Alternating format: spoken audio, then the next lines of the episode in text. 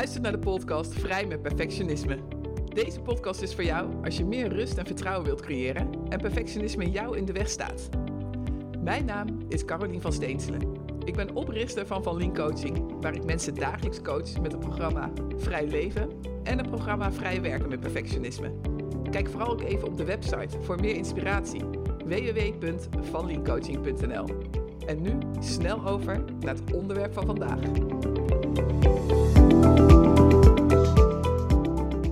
Hey, hallo en welkom bij de Vrij met Perfectionisme podcast. En super tof dat je weer luistert.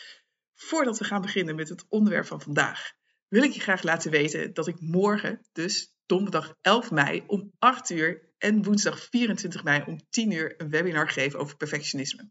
En daar deel ik vijf handvatten met je om meer rust en vertrouwen te krijgen. Tijdens dit gratis webinar deel ik niet alleen informatie, maar laat ik je ook echt ervaren, zodat je direct anders om kan leren gaan met de struggle waar je nu mee zit. Dus superleuk als je erbij bent. En ken je nou iemand in jouw omgeving die hier misschien ook iets aan zou kunnen hebben? Dan stel ik het heel erg op prijs als je dit deelt. Je kunt je aanmelden via mijn website op vandiencoaching.nl onder het kopje aanbod. Dan zie je daar gratis webinar staan. Of je kunt me een mailtje sturen naar info.vanliencoaching.nl. Ja, en dan over naar het onderwerp van vandaag. Ja, want soms, of nou misschien best wel vaak, is het doen van wat je wilt doen moeilijk. En vooral voor de perfectionisten onder ons. Vaak weten we diep van binnen precies wat we het allerliefste zouden willen of wat we nodig hebben. En heel vaak geven we daar dan geen gehoor aan. Bijvoorbeeld omdat we die to-do-lijstjes eerst willen afwerken, of omdat we een gezin te runnen hebben, of we veel ballen hoog te houden hebben, of ja, we worden zo meegetrokken door het leven of de sleur van het leven. Maar ook omdat we weinig lef hebben of weinig zelfvertrouwen ervaren. Er zijn veel redenen in ieder geval waarom we niet doen wat we eigenlijk willen doen. En soms zijn we er zo ver vandaan dat we dat even niet meer weten. Ik had laatst een verjaardag van een vriendin van mij en ze trakteerde ons op een cacao-ceremonie. Het was echt een prachtige, inspirerende plek waar zij daar zou wonen. En daar voelde ik weer even zo, zo tijdens die ceremonie welke stap ik allemaal heb gezet. En het lef wat ik heb gehad om nog steeds mijn hart te volgen. Maar ook kwam daar de vraag, hoe blijf ik dan mijn hart volgen? Zit ik nog wel op het juiste pad of wordt het tijd om bij te koersen? En daarom dacht ik eraan om hier eens een podcast over te maken. Omdat ik ja, dagelijks in mijn coachpraktijk mensen spreek die eigenlijk het een willen, maar het andere doen.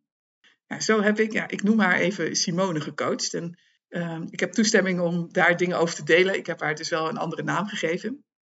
Maar ze had me ergens horen spreken en daardoor was ze aan het nadenken gezet. Ze had het idee dat ze haar leven een soort van onder controle had, maar naar mijn verhaal was ze daar niet meer zo zeker van. En toen heeft ze contact met mij gezocht. En dan snel kwamen we achter dat ze ja, eigenlijk volgens het boekje of volgens het plaatje leeft en dat wil ze niet meer. Ze wilde zich bijvoorbeeld niet steeds zo aanpassen aan anderen, maar doen waar zij zin in heeft. En dat vooral ook uitspreken. En ze gaf een mooi voorbeeld dat wanneer ze met vriendinnen een weekendje weg was, dan wilde ze eigenlijk actieve dingen doen. Maar het werd eigenlijk steeds een weekendje met wellness en dan daarna uit eten en lekker veel wijn drinken. En er werd ook heel veel gekletst waar ze op een gegeven moment wel klaar mee was. Ze miste echt de activiteit. En elke keer als ze dat bespreekbaar wilde maken, deed ze dat toch maar niet. Of een klein beetje, maar dan paste ze zich eigenlijk meteen weer aan omdat ze niet zo'n zeur wilde zijn. Later kwamen we achter dat dit ook op andere plekken in haar leven speelt. In de relatie met haar partner bijvoorbeeld en op haar werk. En vaak is het als je voor een ogen simpele gebeurtenis uitwerkt, waarvan je denkt dat het niet zoveel voorstelt, dan juist zien we de hardnekkige patronen erin. En in dit geval werd dit voor Simone ook erg zichtbaar. Wat er eigenlijk gebeurt, en dat herken je misschien ook wel met iets waarvan jij meer zou willen in je leven, bijvoorbeeld een andere baan of meer vrienden, vaker nee zeggen, iets voor jezelf willen doen of juist even helemaal niks willen doen, wat dan steeds maar niet lukt omdat je zo wordt opgeslokt door het gezinsleven of door die overvolle agenda. Of misschien wil je wel vaker je mening geven of die to-do-lijstjes overboord willen gooien. Minder werken in je vrije tijd of minder uitstellen en meer voor je kinderen willen zijn. Nou, ik kan echt nog uren doorgaan. Dus wat er gebeurt is, je wilt het ene doen, maar je doet het eigenlijk niet. Sterker nog, je verwijdert steeds verder weg van wat je eigenlijk wilt. En als we naar dat voorbeeld van Simone kijken, dan wil, je eigenlijk, wil zij eigenlijk tegen haar vriendinnen zeggen dat ze het weekendje wat ze met elkaar hebben andere dingen wil doen. dan alleen maar relaxen, eten, drinken en eindeloos kletsen. Maar elke keer als ze hier iets over wil zeggen, of thuis eraan denkt om er iets over te gaan zeggen, dan overtuigen haar gedachten haar weer om het niet te doen. En wanneer je deze gedachten voor jezelf onderzoekt, dan kan dat hele waardevolle informatie geven. Simone had hier veel gedachten bij en een paar van die gedachten waren van, ach, het is ook best wel leuk en ik moet niet zo zeuren. Als ik wat anders wil, ja, mag ik straks misschien niet meer mee. Straks vinden we me stom of hoor ik er niet meer bij. En wanneer ze dan thuis zo zat na te denken over het bespreekbaar maken van haar behoeftes tijdens zo'n weekendje weg, dan kwam, er eigenlijk, kwam ze er eigenlijk niet uit, omdat ze dan zo werd vastgehaakt in al die gedachten hierover. En vervolgens voelde ze zich dan ellendig en dan dacht ze, ach, hier denk ik later wel over na. En ging dan vaak Netflixen of op haar socials kijken. En dan werd het onbewust weer een beetje rustiger in haar hoofd en in haar gevoel. En op korte termijn was het heel erg fijn, omdat ja, het weer even verdwenen was. Maar op langere termijn werd het steeds pijnlijker voor haar, omdat ze de weekendjes weg steeds minder leuk ging vinden. De weken streken voorbij en ze deed er dan verder niks mee. En de patroon van het bespreekbaar maken, het vastgehaakt worden in haar gedachten en vervolgens weer de boel sussen met socials, ja, heeft echt heel vaak afgespeeld. Totdat het weekendje weg er weer was. Zat ze daar weer in die wellness. Nou had ze zich weer voorgenomen om het bespreekbaar te maken. En dan toch deed ze het weer niet. En zo verwijderde zij steeds verder weg van wat ze eigenlijk echt wilde.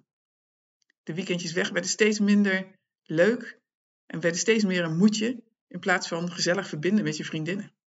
En misschien herken jij dat ook wel, dat je iets wilt, maar dat je gedachten er steeds een loopje mee nemen. En je vervolgens die gedachten of die gevoelens gaat vermijden door bijvoorbeeld een scherm in te zetten of je struggle gaat bagatelliseren of misschien wel gewoon een glas wijn gaat drinken. Het brengt je in ieder geval niet dichterbij, maar vaak juist verder weg van wat je het liefste zou willen. En het is echt volkomen normaal dat dit gebeurt, want iedereen doet het. Uiteraard heeft iedereen er op zijn eigen manier last van en gaat er op zijn eigen manier mee om. Maar wat je misschien wel begrijpt, is dat het super waardevol is geweest voor Simone om dit helder te krijgen voor haarzelf.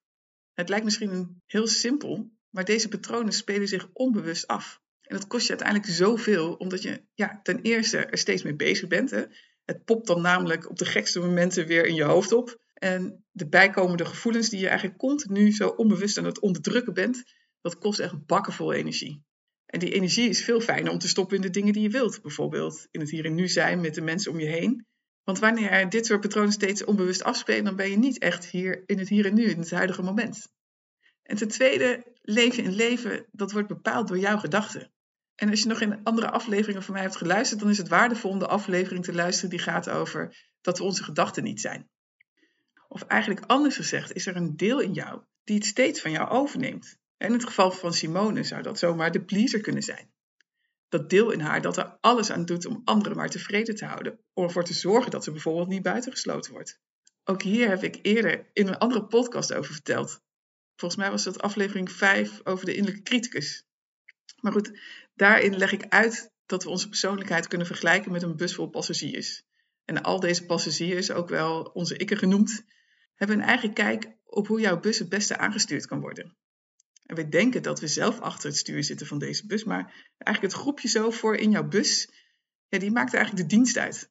En dit doen ze ons om te beschermen tegen pijn en afwijzing. En in het geval van Simone was het deel in haar actief om ervoor te zorgen dat ze niet alleen overblijft. Zo droomde ik al heel lang van om mijn kennis over te brengen op anderen. Tijdens mijn studie al droomde ik al wel eens over een eigen trainingsbureau te hebben en op die manier mijn kennis en ervaring te delen en zo te kunnen bijdragen aan een mooiere wereld. En dat avontuur ben ik aangegaan samen met Marieke Verhoeven. We hebben samen de coachunie opgericht. Maar goed, dus Marieke en ik zijn dat avontuur aangegaan en we hebben een act-training gegeven. En dan kan je vertellen dat al onze ongemakken lang zijn gekomen. En die hebben we ook allemaal aangepakt. En een van mijn ongemakken die ervoor kan zorgen om, en mij kan weerhouden om niet te gaan trainen voor een groep, zijn mijn gedachten. En die gaan ongeveer zo. Het zijn er heel veel, maar de gedachten die me er echt van weerhouden zijn ongeveer deze. Oké, dat gaat dan zo. Nou, straks doe ik het niet goed. Daar krijg ik dan al stress van, van, oh mijn hemel, straks doe ik het niet goed. En dan vervolgens denk ik, oh, straks vinden ze, me, vinden ze mij helemaal niet goed. Oh man, moet je eens voorstellen. Dat zou echt rampzalig zijn. Dan breekt helemaal de stress uit. En nou, als, als ik dan nog verder vastgehaakt word in mijn gedachten, dan is het, straks ben ik helemaal niet goed. Gewoon in mijn totaalheid. Ik ben niet goed. En dat behoort dan tot mijn ergste nachtmerries. Want als ik niet goed ben, wat blijft er dan eigenlijk nog voor mij over? En dat zijn de gedachten die ik echt heel snel geloof over mezelf. En die mij kunnen weerhouden en die me ook hebben weerhouden om iets te doen. In dit geval een training, om een training te geven of het opzetten van een trainingsbureau. In het verleden heeft me in ieder geval heel vaak weerhouden om iets te doen. Maar de gedachten die ik zo snel geloof en het verschrikkelijke gevoel wat daarbij gepaard gaat, is niet ineens weg als je het gaat onderzoeken.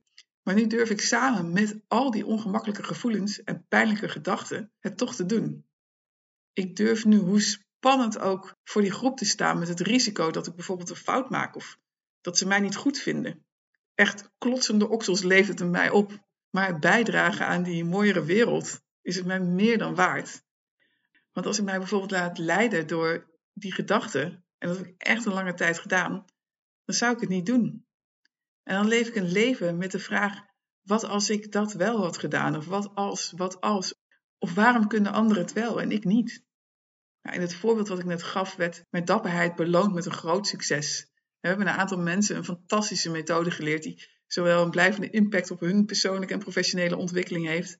En zij kunnen dit ook weer doorgeven aan anderen om op die manier bij te dragen. Maar ook nu heb ik nog steeds last van deze gedachten en word ik ook nog wel eens vastgehaakt. En dat is volgens mij ook wat het leven is. Deze gedachten kunnen we niet wegpoetsen of wegtoveren. Dit is het. En we kunnen er leren anders mee om te gaan als we weer even vastgehaakt worden.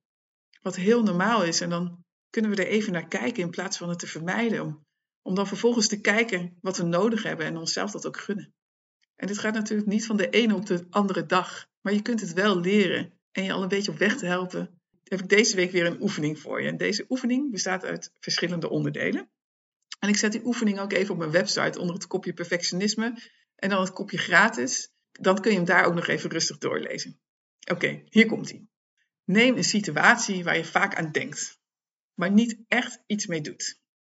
Zo eentje die vaak zo nog even oppopt terwijl je de was staat te vouwen of staat te koken of gewoon zo af en toe eens even oppopt. En schrijf voor jezelf dan eens die gedachten op die er dan allemaal bij je opkomen. En neem je dan echt even de tijd voor. Echt, alle gedachten zijn welkom. Positieve gedachten, negatieve gedachten, donkere of gemene gedachten, blije, verdrietige. Schrijf ze echt allemaal op. Niemand hoeft je te laten lezen.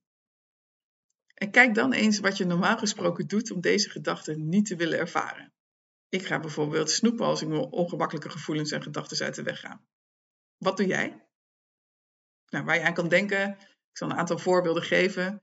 Je socials checken, het nieuws lezen terwijl je dat al gedaan hebt, online shoppen, veel sporten, alcohol of drugs gebruiken, op Funda kijken terwijl je geen huis zoekt, fitten op je partner of je kinderen, zelf hulpboeken kopen. Nou, ga maar door. En kijk dan eens wat het je op korte termijn oplevert als je dat doet.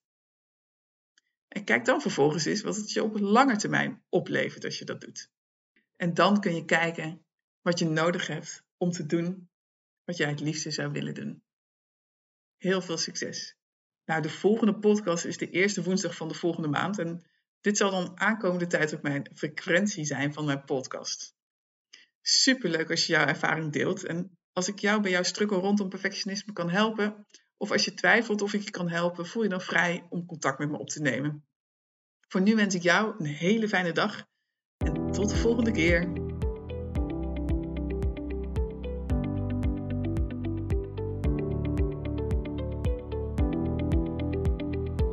Super leuk dat je weer luisterde naar een aflevering van Vrij met Perfectionisme. Ben je door deze podcast enthousiast geworden en wil je nu eindelijk jouw perfectionisme aanpakken? Meld je dan aan voor de workshop of het programma Vrij Leven of Vrij Werken met Perfectionisme door een mail te sturen naar info.vanlinkcoaching.nl. Wil je eerst een kennismakingsgesprek? Plan dan een afspraak in op vanlinkcoaching.nl slash gratis-kennismaking. Heb je vragen naar aanleiding van deze aflevering? Of wil je mij iets vragen? Dan vind ik het altijd super leuk om van je te horen. Mail dan even naar info.vanliencoaching.nl of stuur mij een Insta-DM via Carolien van Steenselen. Voor nu, een hele fijne dag gewenst en tot snel!